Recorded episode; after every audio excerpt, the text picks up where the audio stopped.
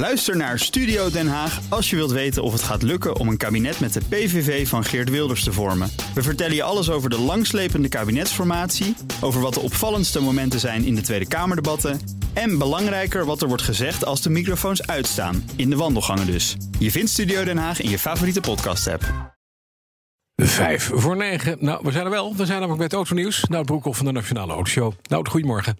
Goedemorgen, Bas. Allereerst het verhaal van de bovenaf over de winterbanden. Want er zijn nog een miljoen mensen die rijden op winterbanden nu, hè? Een half miljoen. Een half En, miljoen, dat, oké. en, en dat met deze hitte. 5,3% van de Nederlandse auto's rijdt nog steeds op winterbanden. Blijkt uit eh, onderzoek van de brancheorganisatie... dat eh, uitgevoerd werd in Eindhoven, Utrecht en Zwolle. Mhm. In totaal werden eh, 1100 auto's onderzocht. En dus 1 op de 20 rijdt nog met die winterbanden. Ja, daar heb je eigenlijk vooral jezelf mee, toch? Eigenlijk. Nou, Want ja, Het is ja, die banden slijten sneller, hè, denk ik. Het glijden glibberen. Ja, en eh, ze zorgen ook voor meer rolweerstand. Dus dat betekent ook gelijk eh, meer, eh, meer brandstof eh, die je verbruikt met je auto. En eh, het heeft ook een negatieve impact op de, op de wegligging. Nou, dat gaat de BOVAG straks allemaal bij jou uitleggen Ja. om kwart voor tien. Dan, Renault is een stuk negatiever over de automarkt. Het gaat ook niet zo best, hè, mensen?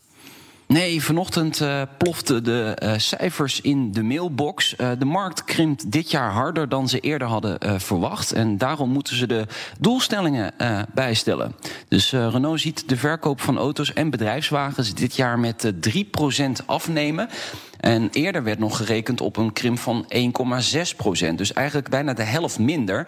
Kortom, de markt krimpt bijna twee keer zo snel. Ja, en dat eh, doet natuurlijk ook wat met de omzet van het bedrijf. Eh, die is met 6,4% gedaald. En het merk heeft het toch wel ook echt een eigen land lastig. Maar ook in Turkije en Argentinië vallen de verkopen dik tegen. Er is wel weer wat nodig om dat weer eh, op de rit te krijgen, denk Nou, ik zo. Dat is niet mooi. Geen mooi nieuws. Dan, Volvo-rijders blijken de smerigste auto's te hebben. Ik heb, ik heb een vriend die heeft een eh, 67. Ja, En de meneer Nou, één- Ja, Carlo Bransen, ja. Ja. Nee, de, het Britse onderzoek, 1 op de drie Volvo-eigenaren geeft toe dat het ja, soms wel 6 tot 12 maanden duurt voordat ze hun auto van binnen schoonmaken. Kijk Oh, aan. op die manier smeren. God, en die was er dus ook een brokkenjaar niet. Dit zit er ook dik in. Dat de eh, Honda-rijders, eh, die laten het ook een beetje verslonzen. Mhm. Een kwart wacht ruim een half jaar met het schoonmaken van de auto, van het interieur. Eh, Mercedes-eigenaren zijn het keurigst. Mhm. Eén op de vijf maakt iedere week zijn auto van binnen schoon. Maar ja, het zijn natuurlijk allemaal taxirijders, dus... Heb je laatst die foto gezien van die Toyota van Boris Johnson?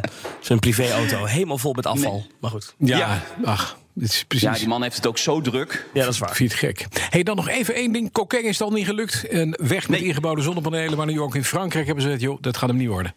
Nee, ze hadden even naar Nederland moeten kijken. Hè? Ja. Want eh, in cocaïne hadden, eh, hebben ze het al eer vroegtijdig stopgezet. Een proef in Normandië inderdaad met die ingebouwde zonnepanelen. Het lijkt echt een fantastisch idee. Maar in de praktijk, het werkt gewoonweg niet. Eh, die panelen slijten sneller dan gedacht. Er ligt voortdurend rotzooi van bladeren op die panelen. Dus ja, die panelen eh, ja, die wekken eigenlijk veel te weinig energie op. Dus eh, het, is, het is gewoon niet mogelijk Gewoon op dit kappen. moment. Kappen, niet meer doen. Stoppen ermee. Ja, vind ik ook. Ja. Dankjewel. Nou, Hebben jullie al eerder geroepen, hè? Dat heb jij al eerder Ja, geroepen, volgens mij. opwegen met zonnepanelen niet doen. Gewoon niet handig. Daarnaast veel makkelijker.